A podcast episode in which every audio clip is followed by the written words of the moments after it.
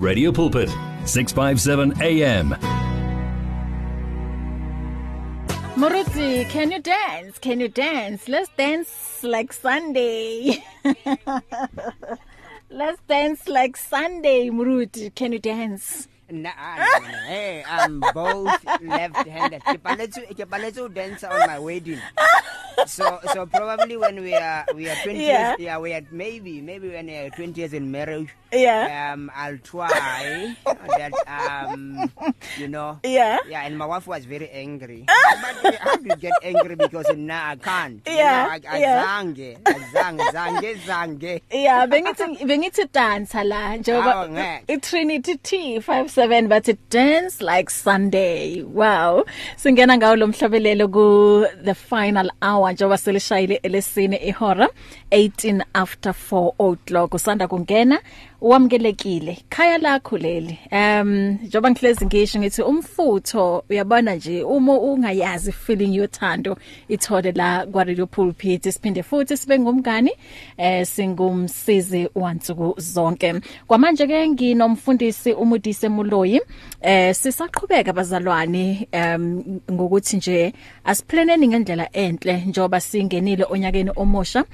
Ka2020 because ngoba uma uplane kahle um uzokwazi ukuthi ufinyelele kuma goals wakho. Singabantu sinama goals singabantu sinamaphupho kodwa uma ungenayo iplanning ngeke kube lula ukuthi ufinyelele eh kuma goals wakho. So last week siye sakhuluma indaba ebalekile eh ye- procrastination abantu abaningi yes abakwazi ukufinyelela kuma goals wabo because of i procrastination so today siqhubeka si sithi la sithi la um let us build a support structure for achieving our goals or for attaining our goals. Sikwenza kanjani lokho mfundisi?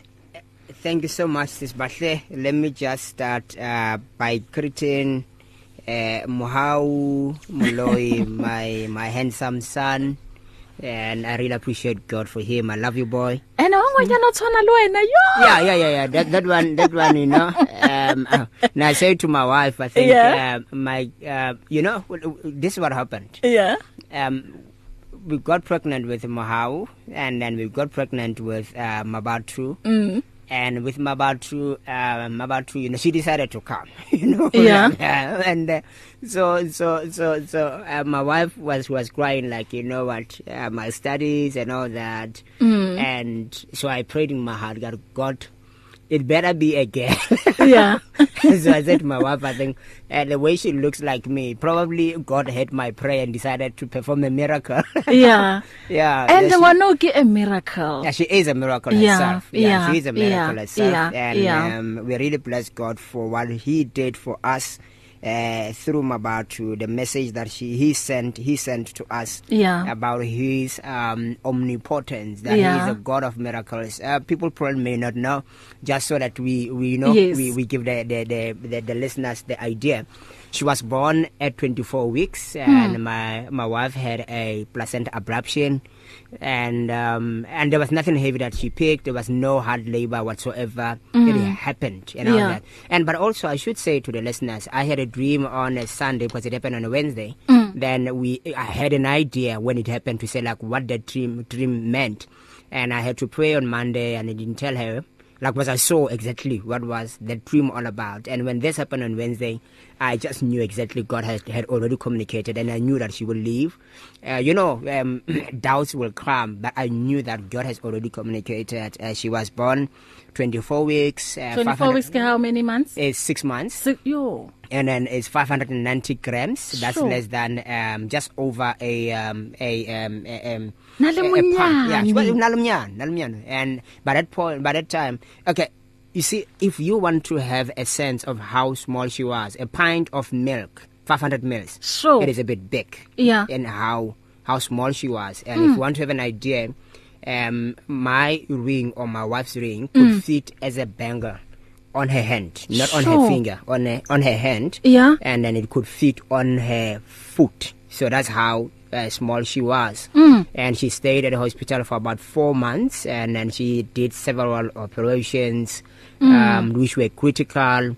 and then um she was released uh, probably in around 2 kg and um she on the 17th on the 13th I think is it the 13th of um mm. of July yes because I know that was my wife's birthday or 2 days a day before mm. and she actually died um who died? Oh, Mabatu yes yes yes. Mabatu died at um on in July the 12th or in in uh, in 2017 and um my pastor prayed for her um you know. The the prematures they they then forget to breathe and then uh. they literally uh, for it could be only for about a minute and then for 45 minutes or so. Sure. and not breathing anything. And then Ilona what do you call this thing yesizulu um puana ka Sotho. Like okay, they were okay, like, yeah. yeah literally. And then mm. when we took her to the hospital the, um, the around the heart it was already having uh, water around it sure. and and all that. It was kind of like um and this is the prayer that my pastor prayed yeah. Yeah he said um about yeah. come back to life. So thank god for life. That is that is the simplest prayer mm. that he repeatedly prayed. And we saw god's miracle and then she coughed mm. and then after she coughed and then uh, they called me because I was at work at the time so we you know I have a video where Ruth was trying shaking her she mm. was not doing mm. anything mm. and at that point in time that was wow. kind of like a miracle that God performed uh, So- about two and then she, after that she stayed at the hospital for for 2 months um where for her to recover so all in all she stayed in the hospital for about 6 months Mm. and we have seen God. She was discharged with oxygen. Mm. she was still on oxygen when she yeah she came back home uh, and all that. So it's been a very um it, it's been a miracle in our It's lives and we it is amazing. Yeah, God is able. What is impossible with man Yes. is is possible with God. So we have really seen the grace of God Amen. in her life and through her life. So and how what, old is she now?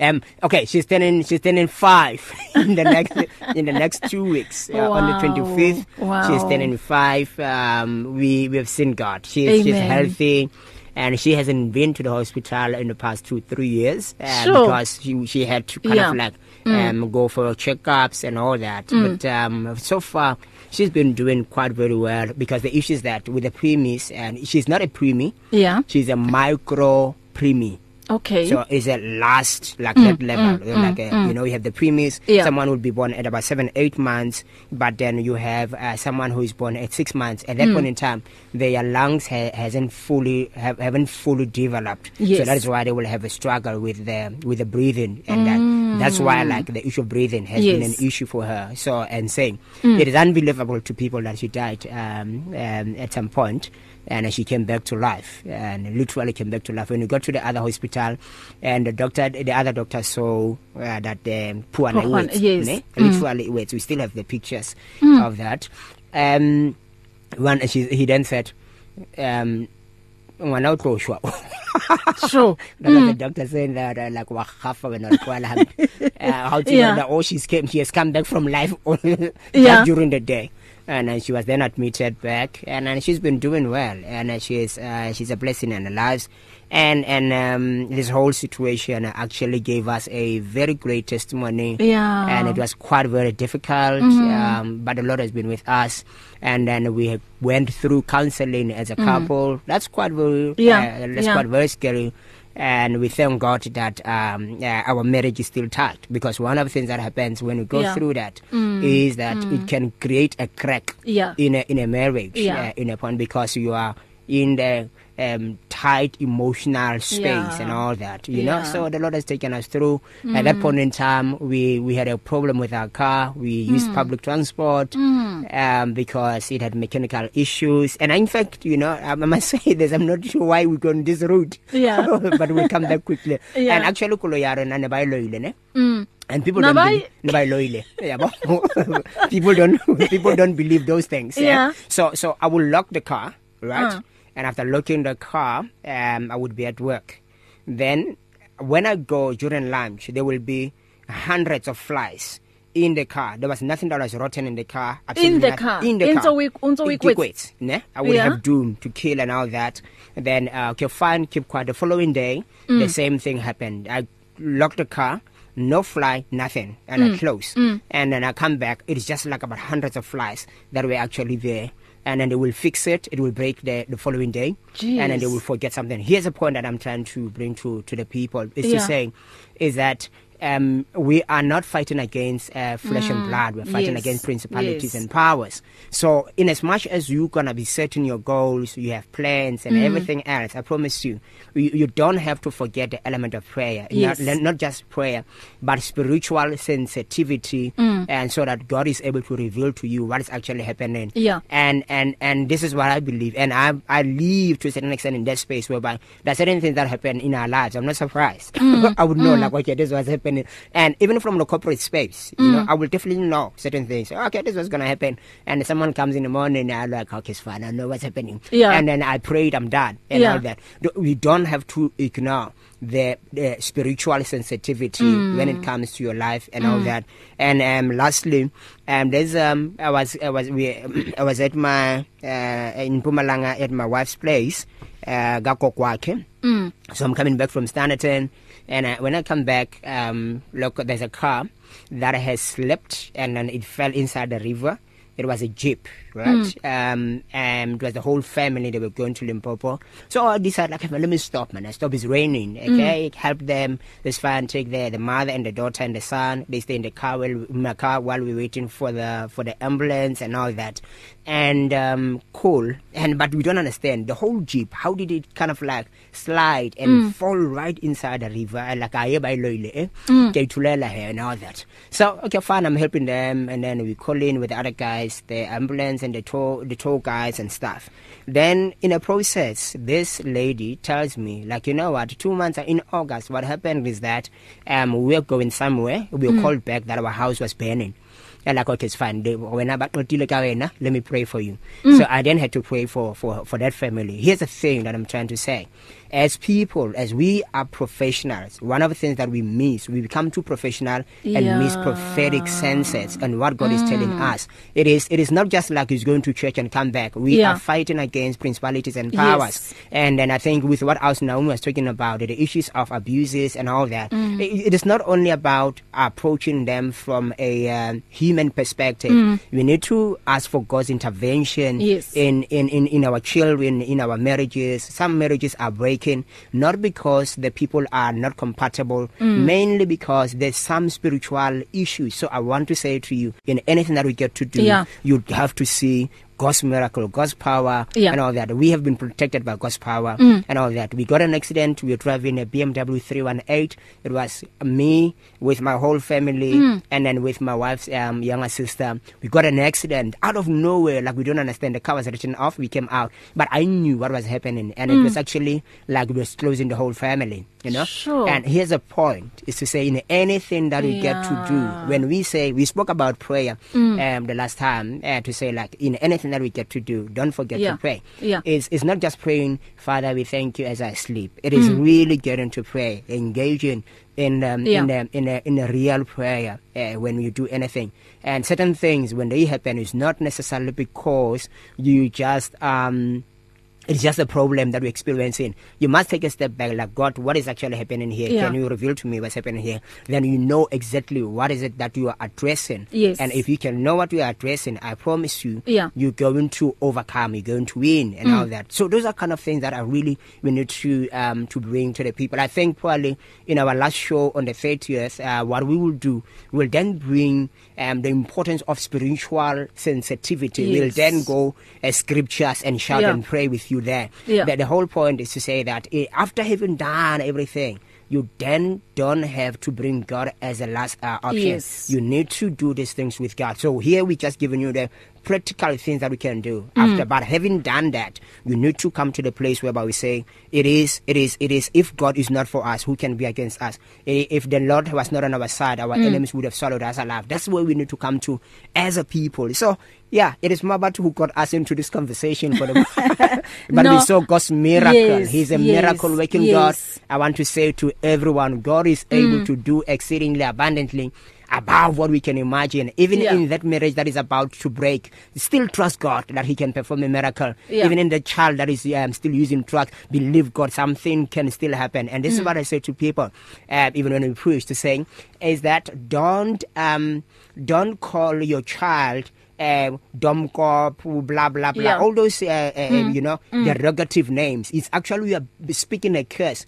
in the life of your child speak something that is not just positive but speak something that is prophetic Yes. that you the things that you say is what you want to see Yeah. no matter how hard situations are mm. believe God to say that he is able to do exceedingly abundantly mm. above what we can imagine if we go through a depression mm. uh, go for counseling i am for that my wife is a counselor go for counseling and as you even go for counseling mm. then still get to pray and here's the thing that people do at times they then decide to uh, think that no you just need prayer mm. then don't do can- mama you need people that you can have a conversation with mm. that will help you mm. and as we do that we then get to pray Amen. you know that's quite very important because at times you find that people are committing suicide Yeah. because of the problems and the challenges that they are facing mm. but they don't have the prophetic sense of what is that is actually happening there so i want to really really encourage people to say that um uh, we have seen god performing a miracle right Amen. in our eyes and Amen. then i i'm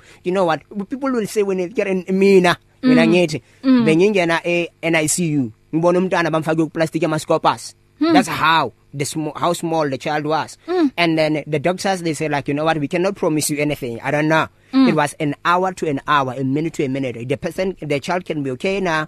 The next hour it could be a different story altogether and all that. There's a point where she was going blind. Then they had to do a, a procedure on her eyes and all that. There's a point whereby like um about today we had to do um there's a Broviac line. They put they they operated here somewhere on the neck Sure. and then and they had to do the medication through Yeah. the Broviac line and all that. The doctors would know that. So I tell you it was a miracle. We prayed day by day. We went there we read stories for her bible stories for her. We sang the songs for her ongezungezile and then we said ongezungezile immediately when we sang that song she would begin Yeah. to like like you know what like the Yeah. know, it- we, Yeah. we may not think, Yeah. we may think that she's not hearing us but she was hearing us immediately Yeah. that she would respond you know Wow. we saw God perform a miracle i'm saying to parents even if you have teens mm. that are troubling you begin to engage with God Yes. begin to be prophetic don't speak this um negative words and all those kind of things you you'll see God's miracle it may not happen now but I promise you there's a seed that will be planted and there will be a complete turnaround and a complete transformation. What are we saying? We serve a miracle Amen. working God Amen. amen yo, Moruti, what a powerful test. What a bua wa bua wa bua. Yeah, no, we, we we'll talk about Mabat one time. Probably we'll bring we'll bring her mom on board. Yeah, You know, yeah, and, and we talk yes. as fathers to Yeah. say what is the role that I did, did I play as a father. You Yeah. know, I'm saying to fathers, don't be a sponsor to your child. Yeah. Don't just be a donator, a Yeah, donor. yeah. Uh, be emotionally present and all that. Those mm. kind of things. You know, Yeah. uh, change the the nappies of your child and then know how to make the bottle Yeah. for your child. Know how to bath your child. And all Yeah. that. Don't just know how to buy milk mm. and know how to you know that is a emotionally supportive family that you're looking for Yeah. so it is not only about um the the, the journey around um Mabat as a as a as a as a, as a, as a child mm. but it was also a journey for us you know Yes. we'll talk about separation anxiety how mm. he had to go and stay with the, uh, with her, with his grandmother mm. for about a year all of a oh. sudden he's not there he has to come back he cannot speak even any you know we speak in English in the house because mm. English is and all that Arabu in um, the clean language yeah. socially yeah. those are the dynamics it's not because you're trying to say English is better it's yeah. just because uh, ke Mosotho ke Mosadi wa ke Mozolo mm. so we needed to find a way yeah. in the process bana ba kana dikolong they speak in English so we mm. had to kind of like and I was so to my wife cannot even hear what is he what is her son saying and all that you know and it's just like you know one time my house said some statement some word and yeah. my wife thought it's a good word like I went what did you say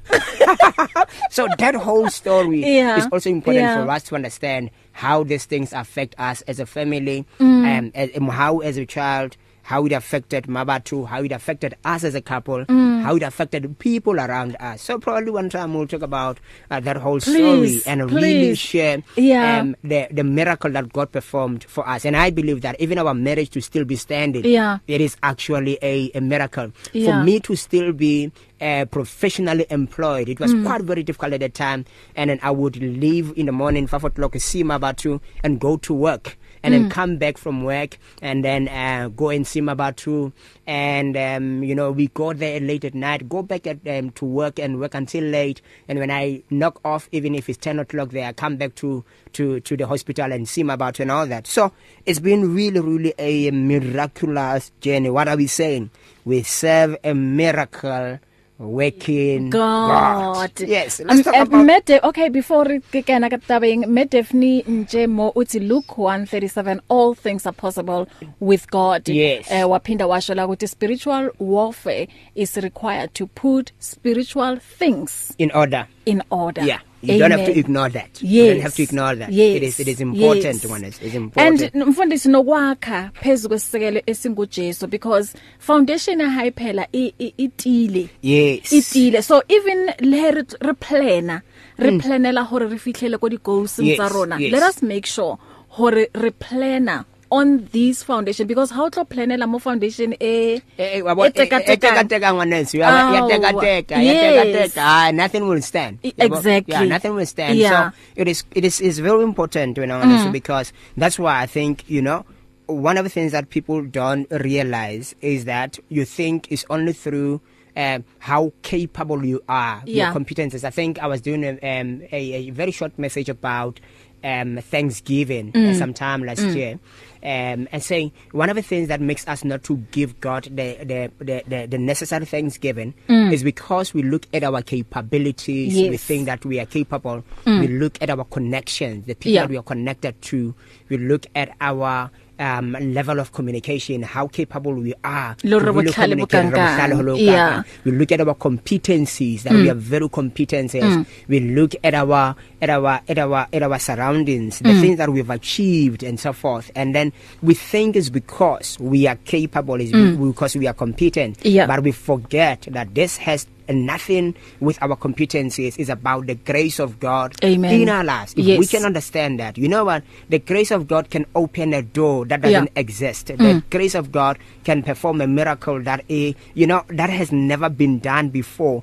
that is unexplainable without connections without anything and i think in fact as a as a people in um, uh, we begin the year in the goals that we are setting mm. let's make sure that we really believe god for for doing uh, the great work you know the Yeah. years that the the, can- the locust and the cankerworms has eaten may the lord restore them in people's lives some of Amen. the people they feel that have lost 5 years 10 years of their mm. lives but it is god that can mm. actually restore Yes. the things and the years that have that have been eaten by Yeah. the locusts and the cankerworms so i really believe that is a god of, rest, of restoration. Mm. i also believe that god the the the, the um he, he can he can cut it short in righteousness. What you were supposed to do in about 15 years the lord can make you to do it in mm. about 5 months. He is he's, he's a he's a miracle working god. Let's not, let us not forget that. So the thing is that when it comes to our goals when it comes to the things that we want to achieve we then um don't um engage God. You know we cannot talk about engagement. It, it, you know, we don't engage God in prayer. We don't engage God on the prophetic. And as a result we don't find ourselves achieving the things that we want to achieve. Only to find that we were trying with our own uh, might. That's why when God was speaking to Zerubbabel he said the following Zerubbabel this mountain shall be made plain. And he said to him it is not by might it is not by power it is by my spirit so mm. the things that is, looks impossible for you it is not by might it is not Yeah. by power mm. it is by the spirit of the lord that he will be able to um, Amen. um to to move it. Uh, he says to ezekiel and will, will this will, will this bones live he says to him lord lord you know Yeah. your lord you know Yeah. and you know here's the thing the, the lord knows that this bo- this bones mm. will will live you know and mm. what god will require to you is that he will bring speak the, the the spirit in those bones. He will speak the flesh in those dry bones. Yes. That even if you feel that you you are about to give up, you are about to um, um even commit suicide, whatever the case may be, uh, give God one more chance. Give mm. God one more chance. Yes. You'll see how He can bring back the the spirit in those bones. He can mm. bring back the flesh in those bones. He can bring structure in those bones. He can mm. open a door. Yeah. When Peter he thought he was already gone, and then he was sleeping in the between the four squads. It's about 16 people. It was impossible for him to escape. The Mm. angel came in in the prison that was locked, even in the inner gate. He opened the gate. When we say the um, we see the gates that are opening for themselves. Mm. It never started with these gates that have remotes in the in the in the complexes. No, Yeah. it began with Peter. Yeah. The gate opened for itself. When mm. he came, the people were praying. They never believed that miracle. He is a miracle working, Working God. He can work a God. miracle in your Yes. career. He Yeah. can work a miracle. You have not been working for many years. Mm. You have not been. You have been stuck in debt for many years. Mm. I know we'll teach you the practical things, but Yeah. I want you to still believe God. He is a miracle working Amen. God. You might be having a sickness that looks impossible, but I want to, you to know that He is a miracle working God. I have a living testimony that He is a miracle working God. Wow, wow. 1642. Um mfundisi kusho ukuthi ke endabeni yethu yanamhlanje eh sizoba no no 10 minutes only It and then okay. if asikwazanga ukuyikhuluma We'll finish it next next week kodwa ngiyacabanga week. ukuthi le testimony boyishare today bokumele mfundisi bekumele Yes, kukhona umuntu bakayilindele. yes bekumele sishare Amen, and then um, yeah. yeah to mm. stir someone's faith you know we Amen. don't only read the scriptures and uh, Yes. yes. it set up Yes. but it's like if he has done it for that family Yeah. he can do it also for me Amen. he is able Amen. He's able Amen. yeah. Ithi sindlule ngala ngaphambi kokuthi ke sizoyibuka yana yanamuhla indabami. Share our passion for life on 657 AM. 657 AM. The Association for Biblical Counseling and Education, ABU, is establishing a countrywide network of trained biblical counselors to serve the hurting people of our country with the love of God. God invites you to be part of this dream. The ABU counseling course starts on 3 August 2021. Phone Mariki on 084 501 1102 or contact her via email at mariki at abu.org.za. Get your daily bread, but also your faith in practice. It's 657 AM. The sounds of your life. Sikhona la singu Radio Pulpit your daily companion. Yangino umfundisi umudise Muluyi namuhla ke um sijobuzwile ukuthi hayi umoya ongcela uthe hayi ikhulumani le before before you go nizongena. there you know before you go there before before you go there Yeah. like, yeah not unexpected Yes. yeah i think it's important to have the sense of spiritual sensitivity. Uh-huh, yeah uh-huh, yeah So s- senza njani mfundisi? Building a support structure for achieving our goals. Yeah, here's the thing that is important. Most mm. of the time, the people don't, don't achieve the things that they want to achieve because mm. they lack a support structure. Yeah. So I'm going to give you 10 reasons why do you need a support structure. Mm. And you can build a support structure in the form of a um, community, can be a community of mentors, can be a community of coaches, can be a community of sponsors, can be a community of friends, but you must have a support structure. It could be, it can be a community of peers, the people that you feel that you are driving towards more or less the same journey on anything that you are actually uh, that you want to do as a person. That's quite very important, um, and it is critical, not only just important, critical for you to have a um, a support structure, and you must be intentional about creating a support structure. Last time I spoke about uh, the audit of um, auditing of relationships. You audit the relationships that we have. Those relationships are key because you need to know why are these people in your life and why are you in their lives. What is the value that we are adding in their lives, and what is it that what value are you adding into their into their lives? So it's quite very critical for you to have a support structure. Remember, as a person, you are not an island. You are not a solo you are you are you are a human being. You are connected to other human beings. So it's critical for you to have a support structure. So i'll give you 10 reasons why you need support structure in the form of a mentor a coach, a sponsor, or even uh, friends or peers that you can walk the journey with. The first thing is the issue of um, encouragement. It's about 10 E's. It's about encouragement. I'm going to run through them so that we are done with this in the next um, um, eight minutes or so.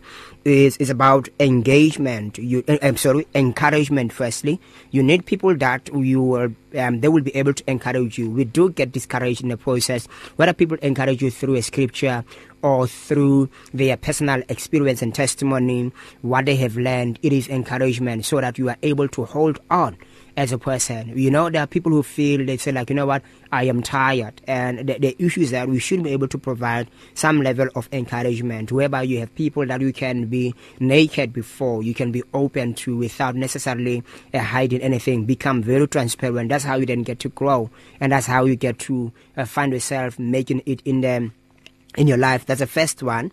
Then the second one is about engagement. Engagement here, I'm talking about progress. I'm talking about assessment. I'm talking about uh, feedback. We need people that will be able to give you feedback in everything that we then get to do, and will be honest with you to say like, "Mara, bahle uyayilahla lapha." Yabo? So uyabadinga abantu banjalo uthi like they will tell you like here you are you are missing it. It is it is all, totally out of order and all that so that you can come back to line. It brings in the sense of alignment. Then the third one is the issue of experience. Uh, people that have a particular experience in different journeys of life these are the people that you actually need for you in your support structure that will be able to share that experience because if you're not the people that are sharing experience with you you may not really achieve much because they they they they you don't have what they know you know? And what happens is that if you are talking to the people who have experience they know how you can even do certain things better. And it actually contribute towards efficiencies or being effective whereby you don't your effort you know your results are exceeded by your effort. Yeah, there are people who put more effort but their results are not equal to the effort that they've put. But there are people who put little of effort but then their results are great. It's mainly about knowing how to use your resources and still achieve more. It is about being effective. So if we have people that have experience, it helps you to become effective in doing things. And they can teach you a whole lot of things that you did not know. And number four, it is about education. I'm going to say education here. We are the people who are always on the learning journey. We must always learn. And the question that I have for you this year is to say, what is the one thing that you are learning this year? What is it that you are committing yourself to learn? And I, I have something that I'm focusing on learning this year. What is it that you are learning? You must learn something every year. It's not about having a degree is about making sure that you are growing as a person. If you are not learning, you are not growing. You need to learn because education is important in anything that we then get to do. You need to learn how to become a better presenter, how to be a better speaker, how to be a better coach, how to be a better mentor, how to be a better father, how to be a better husband, how to be a better a wife, how to be a better mother. You, we always learning as people how to be a better executive. You must always learn. So education is quite very key. Then the other part is about empowerment. You must be intentional in being part of the empowering communities empowering communities we're talking about attending workshops attending whether physical or online. You must always attend something. There are number of or there are several um, um master classes that even other people are running for free. Through like uh, the, um, the the uh, on Facebook Live and all that. You you have to make time to attend such because they are good for your empowerment. You you will never come to the place where you say that I know everything. Immediately you say that you must know that uh, pride has um, has has visited you, has engulfed you. So empowerment is about making sure that you learn from other people and you are part of communities. And here's a good thing about uh, being in those communities: you are then able, especially as a business person, what happens is that you then are able to uh, share clients, you know, your referral network. There's a motivational statement or a statement that people use in the motivational cycle. They say your network is equal your your net worth. So the more people do you know, the better it is for you to be able to uh, get to um, and to to to to get access to even what you would not have access to. Um and you know I was uh, attending a wedding before I came here and uh, the the the quality of the people that are in that wedding it is these other relationships that like you would not be able to get in a formal environment. But because we are sitting in an inf- informal environment we are then able to engage hey um I've heard you speaking on radio. What's your name? Okay let's exchange numbers and then we'll talk if there's anything um that probably we can um uh, share some information on or look man um there's someone who actually is looking for coaching. So can you please come and and coach this particular individual? That's how you then get to build uh, relationships. Empowerment it does help in them. So your relationships become your resources. Don't always find yourself with the same people all the time. If you're attending events don't always to talk talk to the people that you know. Talk also to the people that you don't know because they have something that probably you don't know. They have access to the things that you don't have access to. That's quite very important. And the other thing that it does it brings in the issue of i think uh, exposure.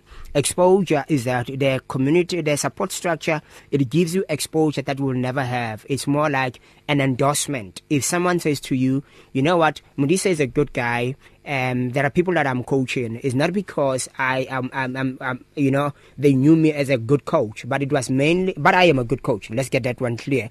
Um is that you need to know that you are you are good if you're good you're good one so we we shouldn't like you know Yes, what you yeah, are. like, Lena I'm good yeah le yabo le le ke dumela yabo like malene ke dumela I'm good yabo you don't have Yes. to really be afraid to to tell Yeah. yourself that you know what I am good I'm good, yes I'm yes. good you know it's not pride it's mm. acknowledging that you are good but don't Yes. think highly of yourself more than you ought to but Yeah. where you are good you are good wanna go higher Yeah. and all that so it will give you exposure whereby someone like you know what that guy is good and then immediately it gives you that exposure and endorsement what happens is that it um it opens the doors that actually would not uh, open for you. If you le- read Luke 252 we can use it. I understand the context. Don't worry about that. To say the child grew in stature in favor with man and in favor with God. So you cannot only say favor with God without favor with man.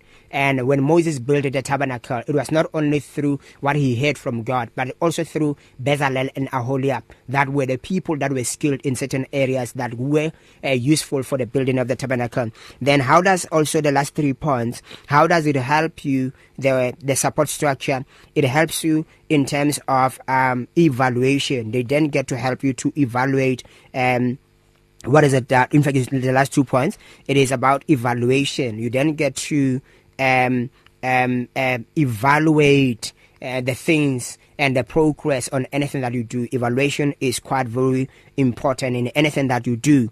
And from evaluation i want to close with i think it's 9 points instead of 10 and execution is about execution. Every uh, all of us plan. All of us want to do something. But you need to have the attitude of execution. You need to have an attitude of acting. You need to have an, an attitude of implementing. In anything that we get to do you must have this attitude to say like i want to execute. I want to make sure that this is happening. Don't only plan. You know i say there are three types of leaders. It's about the head the hands and the heart leaders. The the people they live in their minds. They plan a lot but they don't execute. They they have good ideas but they don't act on those ideas. It's Action, quite yeah. important. It's about action. So Yeah. it is execution. So these are the nine points um not in the order that i'm going to paraphrase them. Is um is engagement is empowerment is education is experience is engagement is encouragement is exposure is execution probably i've left a, i've left a point called enlightenment so the moment you have the support structure you then have you get to be enlightened mm. you get to be given information that yes. you would not have even if you were to read a book mm. so enlightenment is very important mm. in anything that we get to do relationships support structure are the resources that you need for you to actualize what you want to mm. um to to achieve in this year not only this year but even in years to come so mm. these are the 8 to 10 points that I just wanted to share with you probably mm.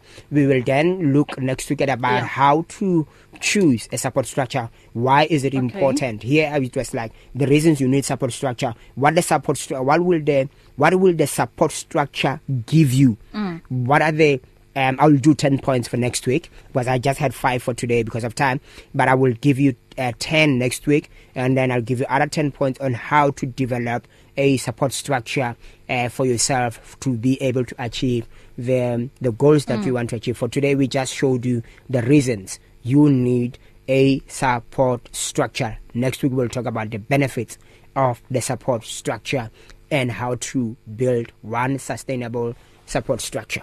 Wow. Yo siyafunda la usuku nosuku mfundisi. Thank you so much ukuthi usinikeze eh lobuhlakani ngempela. And yeah uyabona nje ukukhuluma kanje kuyafakaza impela ukuthi you are good. I'm good. I'm good I I'm good.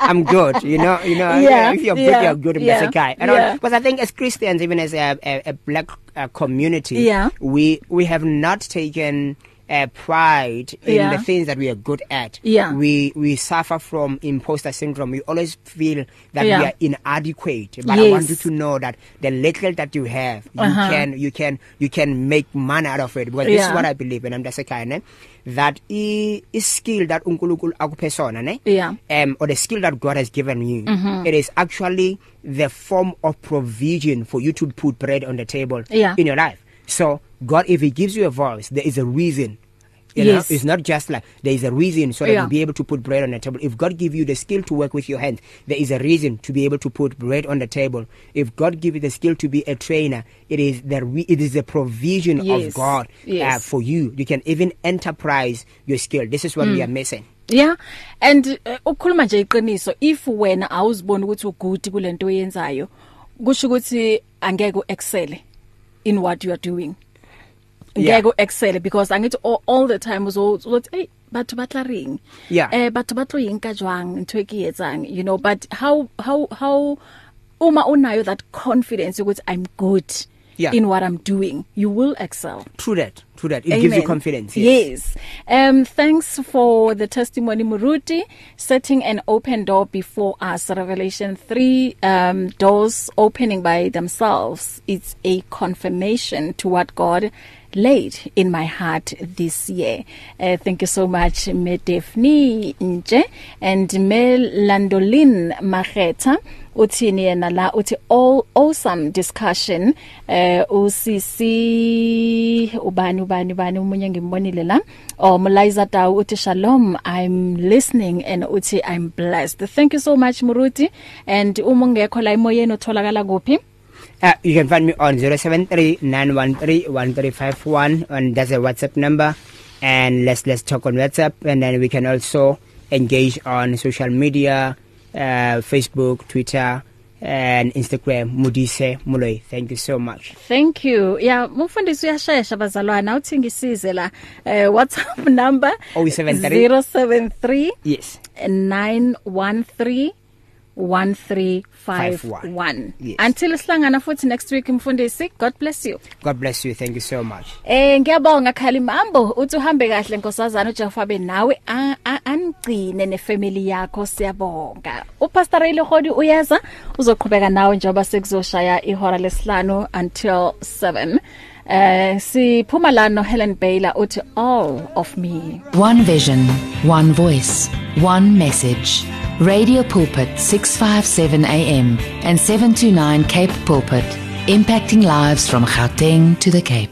If you need prayer, please send your request to prayer at radiopulpit.co.za or WhatsApp 067 429 7564 or go to Radio Pulpit website on www.radiopulpit.co.za. Many people across South Africa are being blessed and encouraged by the Radio Pulpit devotional magazine, The Word for Today. This publication places the gospel of Jesus Christ in the hands of more than 100,000 people every day, inspiring every person, from the professional businessman to the needy person who lives on the streets. Each edition contains daily scripture based devotionals and inspiring articles to help you grow spiritually. The booklet is given with the compliments of Radio Pulpit, but your donation, large or small, will help us to print the next edition and continue being the hope of the gospel to a world in desperate need. The word for today. Get yours today on 012 334 1200 or subscribe online at www.radiopulpit.co.za. Radio Pulpit, your daily companion. You and 657 AM and life, a winning team on the road to eternity.